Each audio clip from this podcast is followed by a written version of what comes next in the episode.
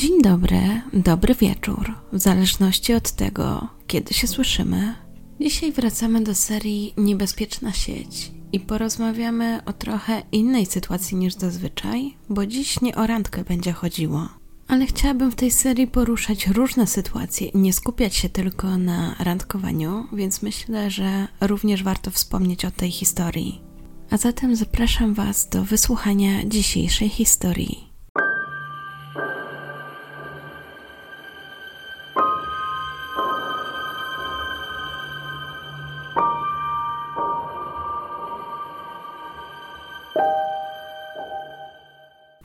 Catherine Ann Olson urodziła się w 1983 roku w Minneapolis w Minnesocie.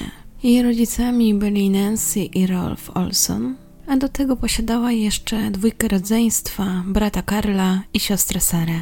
W 2002 roku ukończyła liceum i następnie wybrała się na studia do St. Olaf College, gdzie skończyła teatrologię i studia łacińskie. Bardzo lubiła podróżować i nie miała z tym żadnego problemu. Była gotowa zwiedzić niemal cały świat. W tym czasie podejmowała też różne prace, między innymi była żonglerką w cyrku w Argentynie czy nienią w Turcji. Marzyła o tym, aby wyjechać do Madrytu i tam rozpocząć studia podyplomowe. Chciała też nauczyć się języka hiszpańskiego i uzyskać z niego odpowiedni certyfikat. W wolnym czasie angażowała się w przykościelny teatr, grała tam Marię w przedstawieniu dźwięki muzyki. Wciąż poszukiwała dla siebie swojego miejsca, ale była dosyć otwarta na różne doświadczenia i testowała naprawdę wiele rzeczy. Zakładała też, że ludzie z natury są dobrzy, była ufna i nie miała problemu z dogadywaniem się z nieznajomymi. Rozważała także, czy nie zostać tłumaczką. Po nocach chodziła na specjalne kursy i kształciła się w tym zakresie. Mimo tego była niezdecydowana, bo ciągnęło ją trochę do takiej aktywności właśnie jak gra w teatrze. Swojemu tacie kiedyś powiedziała, że nie chce być niewidzialna, nie chce być za kulisami, że chce być aktorką. Nie lubiła się nudzić, lubiła poznawać świat, dlatego podejmowała wszystkie możliwe aktywności, jakie były w jej okolicy. Między innymi dołączyła do klubu książki w kościele, gdzie natychmiast zdobyła uznanie wszystkich, choć byli to znacznie od niej starsi członkowie. Jej tata mówił o tym klubie, że właściwie stał się jej takim drugim domem, a te wszystkie panie jej mamami. Zaliczyła także epizod jako recepcjonistka w miejscowej klinice, gdzie pomagała obsługiwać hiszpańskojęzyczne rodziny. Ale ta praca zakończyła się na tydzień przed 25 października, który na zawsze zmienił jej życie. Po zakończeniu pracy w miejscowej klinice szukała pracy jako niania.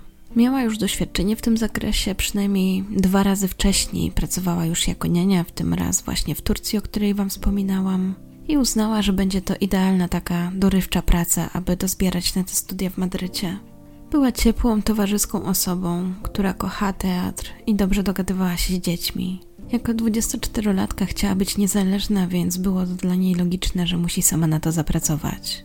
Jednocześnie chciała jak najbardziej czerpać życie, doświadczać go i odkrywać świat. Co ciekawe, jako swój e-mail wybrała hiszpańską nazwę, co można by przetłumaczyć jako szaloną rudowłosą. I taka trochę była szalona, bo nie myślała za bardzo o konsekwencjach, żyła chwilą, cieszyła się życiem, była zbyt ufna. Szukając pracy zajrzała na taki portal Craigslist. Z tego co się dowiedziałam, jest to taki portal w stylu internetowej tablicy ogłoszeń, trochę podobny do naszego Gumtree. Aktualnie nie cieszy się zbyt dobrą opinią. Z tego co wyczytałam w internecie, ostatnio znalazł się pod obserwacją organów ścigania z powodu reklam prostytucji oraz wykorzystywania portalu do dokonywania napadów. Mimo tego w 2007 roku wydawało się, że portal miał dużo lepszą opinię i dla Katrin było to jak najbardziej dobre miejsce, aby poszukać jakiegoś ogłoszenia z ofertą pracy. I tak przeglądając różne ogłoszenia, zauważyła jedno, które wpadło jej w oko. Zostało napisane przez kobietę o imieniu Emi, która szukała kogoś do zajęcia się jej dzieckiem między 10.30 a 17.00. Catherine postanowiła odpisać na to ogłoszenie. Niedługo potem dostała odpowiedź ode Emi, wymieniły jeszcze kilka i postanowiły, że najlepiej będzie, jeśli Catherine przyjdzie do jej domu, pozna się z dzieckiem i zobaczy, czy pasują jej te warunki. Choć wszystko wydawało się w porządku, to jednak Catherine miała jakieś dziwne przeczucie. Przed umówionym spotkaniem zdążyła się jeszcze podzielić nim ze swoją współlokatorką. Powiedziała, że wybiera się do Savage, że będzie tam właśnie rozmawiała z potencjalnym pracodawcą, ale że coś się tak niepokoi. Nie potrafiła określić co, ale mówiła, że po prostu czuje takie poddenerwowanie i aż w brzuchu je odczuwa. Jednak uznała, że jest to zwykły stres przed nową pracą, przed nowym miejscem i postanowiła nie słuchać swojej intuicji, a następnie 25 października wybrać się do domu, który miałaby być opiekunką. Tego dnia ostatnią aktywność jej telefon zarejestrował około godziny dziewiątej, kiedy Catherine dzwoniła do Emmy, swojej nowej pracodawczyni. Podjeżdżając na miejsce, liczyła na to, że spotka się z kobietą, ewentualnie z parą. Jednak nie spodziewała się tego, co wydarzyło się, gdy zapukała do drzwi. Otworzył je młody mężczyzna. To, co się dalej wydarzyło, niestety jest już tylko sferą domysłów, bo jedyną osobą, która może potwierdzić, co się faktycznie wydarzyło, jest Michael, który właśnie tamtego dnia otworzył te drzwi. Być może powiedział Catherine, że Emi czeka na górze, na drugim piętrze i w ten sposób zaprowadził ją na górę. Nie mamy pewności, jak to się stało, ale właśnie tam po chwili znalazła się kobieta. Prawdopodobny przebieg wydarzeń wyglądał następująco. Po tym jak Michael namówił Katrin do tego, aby poszła z nim na górę, postanowił odebrać jej życie. Kobieta niczego się nie spodziewała, gdy po chwili w jej plecy padł strzał. Późniejsza sekcja wykaże, że wykrwawiała się przez 15 minut. Następnie Michael postanowił zaciągnąć jej ciało na dół. Tam też związał jej kostki czerwonym sznurkiem. Następnie schował jej ciało do śpiwora, a potem zamknął w bagażniku jej samochodu. W międzyczasie owinął też jej telefon komórkowy w poplamiony krwią ręcznik, na którym widniało jego nazwisko. Zabrał go ze sobą, wsiadł do samochodu i odjechał jakieś pięć przecznic, gdzie porzucił jej samochód, a telefon wyrzucił do pobliskiego kosza na śmieci. Następnie, jak gdyby nigdy nic, wrócił do domu i zajął się swoimi sprawami. W międzyczasie jeden z mieszkańców znalazł torebkę należącą do Catherine, która była w koszu na śmieci. Postanowił zanieść ją na najbliższy komisariat, ponieważ w środku były wszystkie dokumenty i uznał, że być może była to jakaś kradzież i ktoś po prostu wyrzucił tę torebkę. Podobnie też pomyślał oficer, który przyjął zgłoszenie a po chwili jeszcze, aby potwierdzić swoje założenie, próbował się dodzwonić do właścicielki tej torebki, czyli Catherine. Ponieważ nikt nie odebrał, to nagrał się jej na pocztę, że znaleziono jej torebkę i bardzo prosi, aby zgłosiła się na komisariat. Ponieważ policjant dzwonił na numer domowy, to wiadomość została odsłuchana przez współlokatorkę Catherine. Kobieta bardzo zdenerwowała się tą nagraną wiadomością, dlatego że nie miała kontaktu z Catherine już od poprzedniego dnia i bardzo się o nią martwiła. Jak najszybciej odzwoniła na policję i powiedziała, jaka jest sytuacja, że właśnie Catherine wyszła wczoraj mniej więcej koło ósmej w sprawie pracy i do dziś nie wróciła. W związku z taką informacją policjanci stwierdzili, że należy sprawdzić okolice, w której znaleziono torebkę kobiety. Wysłano więc funkcjonariuszy, którzy mieli rozejrzeć się po okolicy i upewnić, że wszystko jest w porządku. Tym kontenerze, w którym znaleziono wcześniej torebkę Catherine, znaleziono jeszcze worek, który wydawał się być zabrudzony krwią. Gdy policjanci do niego zajrzeli, znaleźli zakrwawiony ręcznik, a w środku telefon. Ten kontener znajdował się na terenie parku, więc policjanci postanowili przeszukać cały park, ale nie przyniosło to żadnych wskazówek. Międzyczasie na posterunku sprawdzano, kiedy ostatnio telefon logował się gdzieś do sieci i czy karta kredytowa Catherine była używana, ale i te tropy do niczego nie doprowadziły. Ponieważ policjanci wiedzieli, że Catherine pojechała swoim samochodem, postanowiono wezwać do pomocy helikopter patrolowy, który miałby z góry właśnie wypatrywać, czy gdzieś ten samochód nie został porzucony. I tym razem można powiedzieć, że był to strzał w dziesiątkę, dlatego że raptem kilka przecznic od tego parku, w którym znaleziono rzeczy Catherine, udało się natrafić na porzucony samochód, który znajdował się na parkingu Rudy Kramer Nature Preserve, Burnsville. Szybko sprawdzono numery rejestracyjne i policjanci zidentyfikowali samochód jako należący do Katrin N. Olson. Kolejnym krokiem było więc przeszukanie go. Początkowo nic to nie dało, aż dotarli do bagażnika. Tam ku ich zaskoczeniu znaleźli ciało Katrin. Od razu było widać, że została postrzelona w plecy oraz że jej kostki były związane, więc założono, że doszło do zabójstwa. Na miejsce oczywiście wezwano patologa i ekipę techników, zabezpieczono wszelkie ślady, aby doprowadzić do tego, kto to zrobił. Oczywiście najważniejszym tropem było to, że Catherine udawała się na spotkanie w sprawie pracy do jakiegoś domu w Savage. Współlokatorka potwierdziła, że wymieniła maile z jakąś Emmy, więc policjanci wiedzieli, że będą musieli prześledzić te wszystkie wiadomości. Sekcja zwłok wykazała, że Catherine zginęła od rany postrzałowej w plecy. Miała też rany na kolanach, nosie i czole. Obrażenia te zostały zadane, gdy była właśnie ściągana po schodach. Lekarz potwierdził, że zginęła w ciągu 15 minut od postrzału oraz że nie ma dowodów na to, aby potwierdzić napaść na tle seksualnym. Śledczy dosyć szybko byli w stanie prześledzić wymianę wiadomości między Catherine a Emmy, która okazała się być Michaelem Johnem Andersonem, a dokładniej mówiąc dziewiętnastolatkiem, który mieszkał ze swoimi rodzicami w Savage. Zanim opowiem o zatrzymaniu Michaela, jeszcze kilka informacji o nim Wam przekażę. Przez jakiś czas szkolił się na mechanika samochodowego, ale ostatecznie odpuścił temat. Aktualnie pracował na lotnisku, gdzie tankował odrzutowce. Właściwie była to taka jego pasja, bardzo lubił dłubać przy silnikach, interesował się też paintballem, strzelał z łuku, ale był raczej samotnikiem. Nie miał większego doświadczenia z dziewczynami, był nieśmiały. Jego przyjaciel twierdził, że zawsze był nieśmiały w stosunku do dziewczyn i wprawiało go to w zakłopotanie. Mieszkał z rodzicami w dwupiętrowym domu, jego ojciec prowadził ciężarówkę, a Michael był najmłodszy z trójki dzieci, Stevena i Barbary. Michael na lotnisku pracował głównie wieczorami i tam też zastała go policja.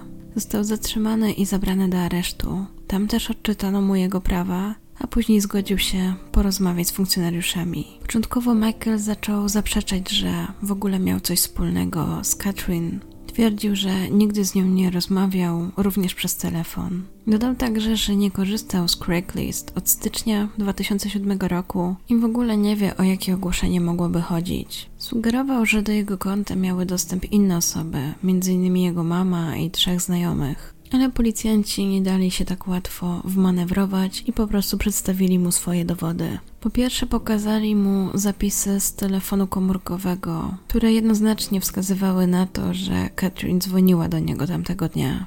W tym momencie Michael postanowił zmienić swoje zeznanie. Stwierdził, że faktycznie to on zamieścił to ogłoszenie 22 października. Napisał w nim, że szuka opiekunki dla pięcioletniej dziewczynki i podał się za Emmy. Następnie wymienił z Catherine kilka wiadomości i umówił się z nią w jego domu.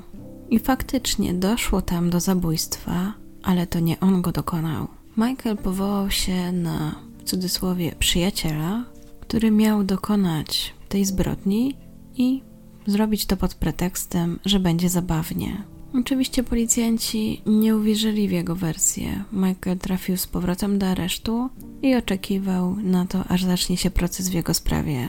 W międzyczasie, aby nie utrudniać śledztwa, jego nazwisko nie zostało ujawnione do prasy. Wysokość kaucji ustalono na milion dolarów, ale nie została ona wpłacona, więc Michael dalej oczekiwał na swój proces w areszcie. Prokuratura wydała oświadczenie, że prawdopodobnie mają solidnego podejrzanego, że adres i numer telefonu się zgadza i wszystko wskazuje na to, że to jest kwestia tylko czasu, aby trafił do więzienia. W tym czasie policja zebrała solidne dowody, które miały pomóc w oskarżeniu Michaela o to, że zamordował Catherine. A były to między innymi włosy zebrane z ciała Catherine, które należały do Michaela, jego odcisk palca, który został znaleziony na sznurku worka na śmieci, którym był ręcznik z telefonem. Ręcznik, który był podpisany jego nazwiskiem oraz znaleziono na nim krew Katrin. Na telefonie komórkowym kobiety znaleziono również jego odcisk palca. W jego domu udało się znaleźć próbkę krwi, która zdecydowanie należała do Catherine. Udało się także odnaleźć broń, która znajdowała się w sypialni rodziców Andersona, a testy balistyczne potwierdziły, że to właśnie z niej zabito Catherine. W pokoju Michaela znaleziono także łuskę, która idealnie pasowała do broni, z której oddano strzał. Do tego policja miała jeszcze zeznania sąsiadki Andersona, która rozpoznała samochód Catherine jako ten, który widziała zaparkowany na podjeździe Michaela przez dwie godziny 25 października. Przeszukano także komputer i znaleziono mocne dowody. Między innymi, że Michael między listopadem 2006 roku a październikiem 2007 roku dokonał 67 wpisów na Craigslist, czyli nieprawdą było to, że nie korzystał z niego od stycznia. W tym czasie dodawał różnego rodzaju ogłoszenia, między innymi zagadywał dziewczyny o nagie zdjęcia, proponował spotkania seksualne. Były też te ogłoszenia o opiekunkę do dzieci i zupełnie inny temat, czyli o części samochodowe. Ostatecznie prokuratura postanowiła oskarżyć Michaela Johna Andersona o morderstwo drugiego stopnia. Prokurator wypowiedział się o tym w ten sposób. Życie błyskotliwej, obiecującej młodej kobiety zostało odebrane bez żadnego powodu. Dowody wskazują, że ta kobieta została zwabiona do domu oskarżonego i zastrzelona. Mężczyzna dodał jeszcze, że ta sprawa jest dla niego bardzo zaskakująca, dlatego że rzadko zdarza się, aby ofiara i sprawca się nie znały. Również to, że nie było dowodów na napaść seksualną, było dla niego zaskoczeniem. W międzyczasie, gdy sprawa zyskała już swój rozgłos, na Craigslist pojawiło się ostrzeżenie w dziale edukacja. Ktoś opublikował wpis o tytule Ostrzeżenie dla tych, którzy nie oglądają wiadomości. Autor sugerował, aby zachować ostrożność i podał informację o tym, że ktoś właśnie odpowiedział na ogłoszenie Craigslist o pracy niani i skończył martwy. Wkrótce rozpoczął się proces, a obrońcą Michaela został Alan Margolis. Adwokat postanowił, że spróbuje wykazać niepoczytalność u swojego klienta. I w związku z tym Michael nie przyznał się do winy i twierdził, że jest chory psychicznie, a dokładniej, że cierpi na zespół Aspergera. Obrona powołała swoich psychiatrów i psychologów, aby potwierdzić te założenia. Pomimo, że wskazywali, iż faktycznie Michael może cierpieć na Aspergera, to jednak sędzia odmówił uznania tych dowodów, twierdząc, że nie udowodnili, że to zaburzenie było w jakikolwiek sposób związane ze zbrodnią. Z kolei psycholog i psychiatra powołani przez prokuratora stwierdzili, że Michael nie ma zespołu Aspergera i nie jest chory psychicznie ani upośledzony umysłowo. Oznaczało to więc, że mógł odpowiadać przed sądem. Mimo tego adwokat Michaela cały czas twierdził, że to było przypadkowe zabójstwo i że jeżeli sąd tego nie uzna, to będzie planował odwołanie, dlatego że jego zdaniem nie pozwolono mu przedstawić dowodów na to, że Anderson ma zespół Aspergera. W związku z tym obrońca Alan Margolis postanowił przedstawić Michaela jako samotnego, społecznie nieudolnego młodego mężczyznę, który mieszkał z rodzicami i nigdy nie umawiał się z żadną dziewczyną. Nazwał dziewiętnastolatka dziwacznym dzieckiem bez umiejętności społecznych, które żyło w nierealnym świecie. Jego zdaniem sytuacja wyglądała w ten sposób, że Michael chciał dążyć do jakiejś seksualnej relacji z Catherine i gdy ta mu odmówiła, on zareagował w ten sposób. I że ten sposób zaciągnął z gier wideo, w które grał, po prostu wyciągnął pistolet i przez pomyłkę wystrzelił. Bo właśnie adwokat próbował przekonać ławników, że tutaj doszło do nieszczęśliwego wypadku.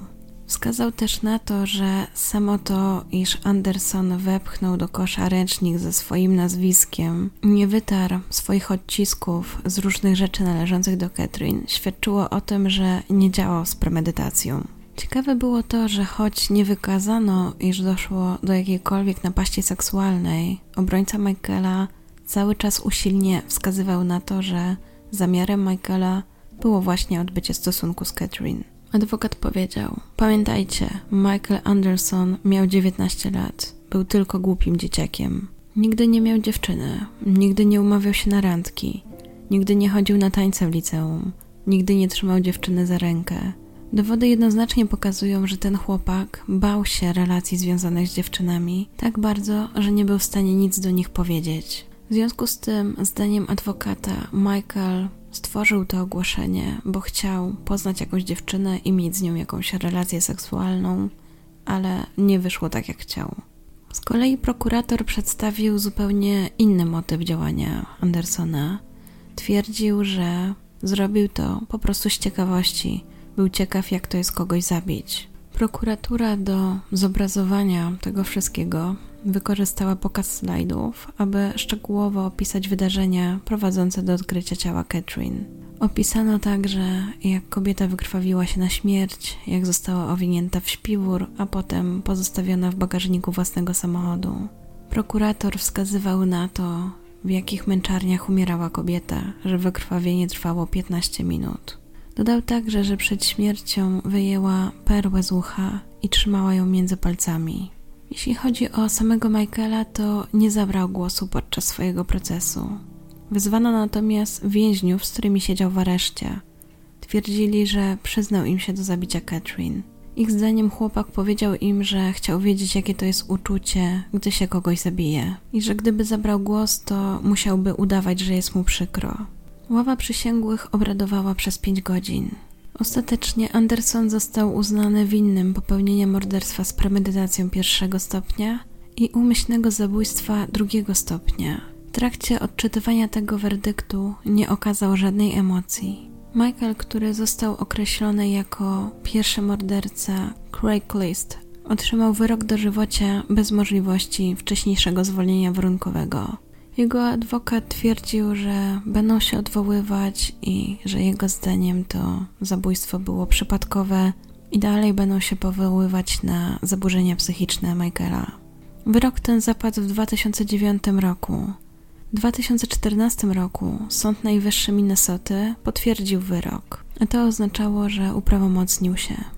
W momencie odczytywania wyroku sędzia Mary Tyson powiedziała, że jej zdaniem Anderson wykazał akt tchórzostwa strzelając Catherine w plecy. Dodała także, że wepchnięcie ciała młodej kobiety do bagażnika było brutalnym aktem. Do tego nie okazał żadnej skruchy, a to dla sędziny było jednoznaczne, by nie wykazywać w stosunku do niego wyrozumiałości czy jakiejś empatii. Stąd też otrzymał wyrok dożywocia bez możliwości zwolnienia warunkowego pomimo młodego wieku. Michael nie skomentował swojego wyroku.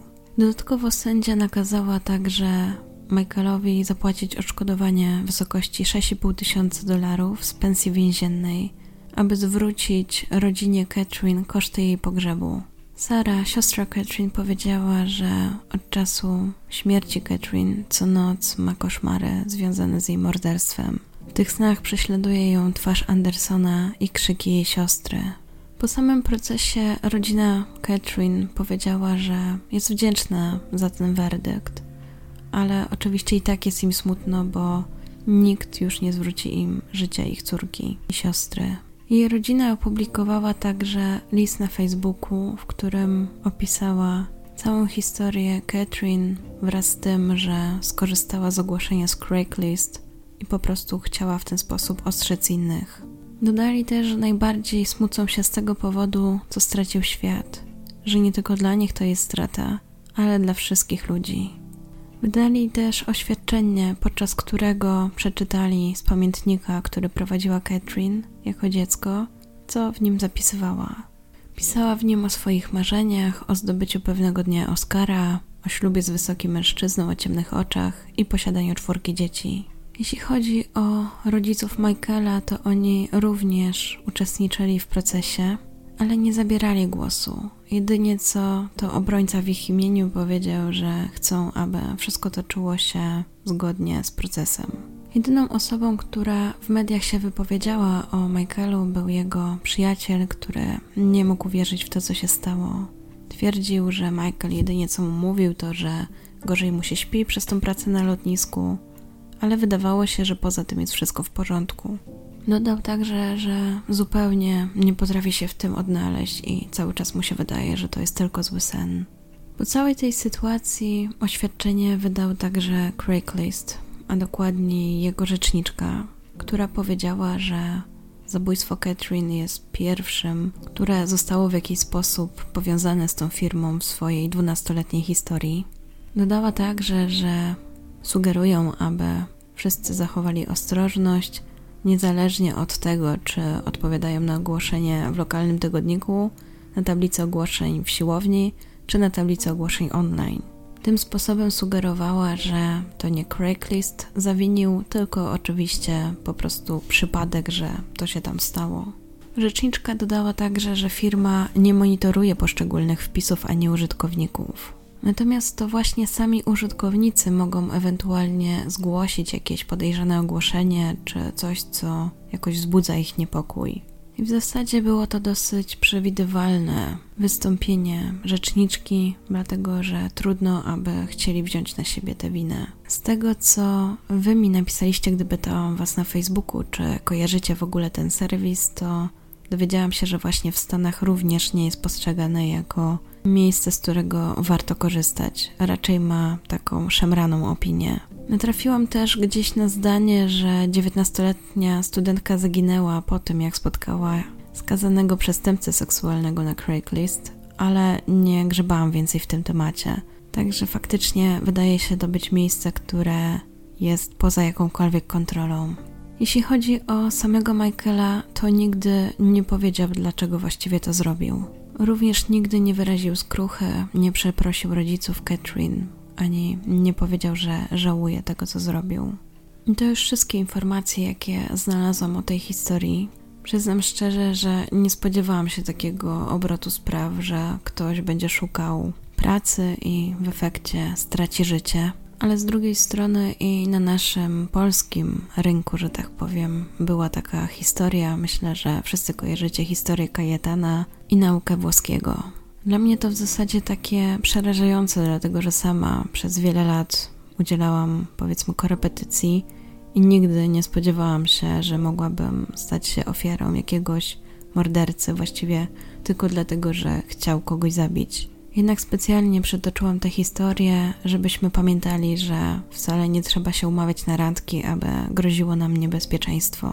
Dajcie znać w komentarzach, czy wy kiedyś udzielaliście korepetycji i czy właśnie umawialiście się przez internet na takie spotkania, właśnie może korzystaliście też z takich usług. A jeśli macie jakąś historię, która również mogłaby być ostrzeżeniem dla innych, to koniecznie się podzielcie, podeślijcie mi na maila lub w komentarzu i chętnie się z nią zapoznam. No dobra, na koniec zostały nam komentarze. Aleksandra Bykowska o poprzednim odcinku pisze: Bardzo, ale to bardzo gratuluję Ci tego odcinka. Sprawa archiwalna, nieodtworzona przez innych twórców. Przez Ciebie przedstawiona bardzo ciekawie i wnikliwie. Nie nazwałabym Marii prekursorką fake newsów jednak. Te wysyłanie wiadomości o swojej śmierci bardziej kojarzy mi się z zachowaniem Tomka Beksińskiego, który w wieku chyba już nastoletnim zawiesił swój nekrolog przy kościele. Obsesja śmierci za życia. Też słucham co najmniej dwa razy. Za pierwszym razem albo zasypiam, albo coś mi przerywa, a drugi raz to już tak porządnie. Także te wyświetlenia musisz sobie niestety podzielić przez dwa chyba. Ale wiesz, że cię kochamy i jesteśmy porządnymi odbiorcami, dlatego po kilka razy słuchamy odcinków. Bardzo dziękuję za opinie i miłe słowa. Niezwykle miło mi się czytało ten komentarz i nie przejmuję się, że muszę podzielić wyświetlenia przez dwa, bo cieszę się, że słyszymy się dłużej.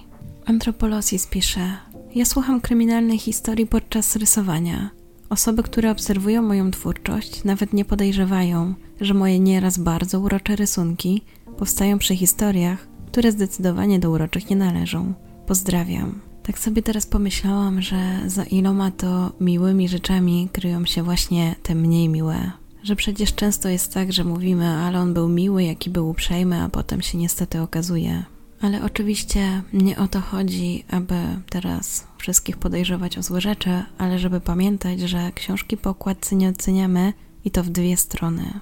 A mnie bardzo miło, że mogę Ci towarzyszyć przy kolejnych rysunkach, bo bardzo lubię patrzeć na Wasze twórczości. Więc jak coś rysujecie i akurat Wam towarzyszy, to dawajcie znać, chętnie zerknę. Bandamka kokardkowa pisze Trzy polskie sprawy pod rząd i tak właśnie można żyć. Wolę jak opowiadasz rodzime, bo ja na zagranicznych się nudzę. Też tak macie? No właśnie, też tak macie? Czemu mieszam już właściwie mówiłam wiele razy, ale od razu Wam powiem, że nigdy nie będzie tak, że na tym kanale będą tylko polskie sprawy. Stawiam jednak na różnorodność, a i też materiały, które są w języku angielskim dużo lepiej pozwalają wgłębić się w sprawy niż te na rynku polskim. Haniek82 pisze: Zawsze chciałam zostać inspektorem środowiska. Nie wiem czemu. Po prostu było to moje marzenie. Jednak odkąd zaczęłam słuchać pani podcastów, nie mogę przestać myśleć nie tylko o kryminologii, a o wszechpojętym prawie. Nieraz zdarzyło mi się przez parę godzin myśleć, w jaki sposób, na podstawie przedstawionych w filmie sytuacji, broniłabym daną osobę, bądź jakie jeszcze dane chciałabym zgromadzić na temat tej zbrodni. W ogóle bardzo mi miło, jak mi piszecie, że rozbudzam w Was właśnie jakieś marzenia o kryminalistyce czy kryminologii, albo że w ogóle podjęliście studia w tym zakresie, albo ogólnie, że realizujecie swoje marzenia, bo wtedy jest mi naprawdę bardzo miło, że miałam w tym jakiś taki malutki swój udział. No dobra, na dzisiaj to wszystkie komentarze. Bardzo dziękuję, że je piszecie i że są coraz dłuższe i coraz przyjemniej się je czyta. Przypominam, że staram się czytać wszystkie, nie na wszystkie jestem w stanie odpowiedzieć, ale zawsze zerkam, co tam piszecie. Dlatego, jeżeli macie ochotę, to zapraszam do podzielenia się Waszymi przemyśleniami. A za dzisiaj bardzo dziękuję, życzę miłego dnia, dobranoc, do usłyszenia.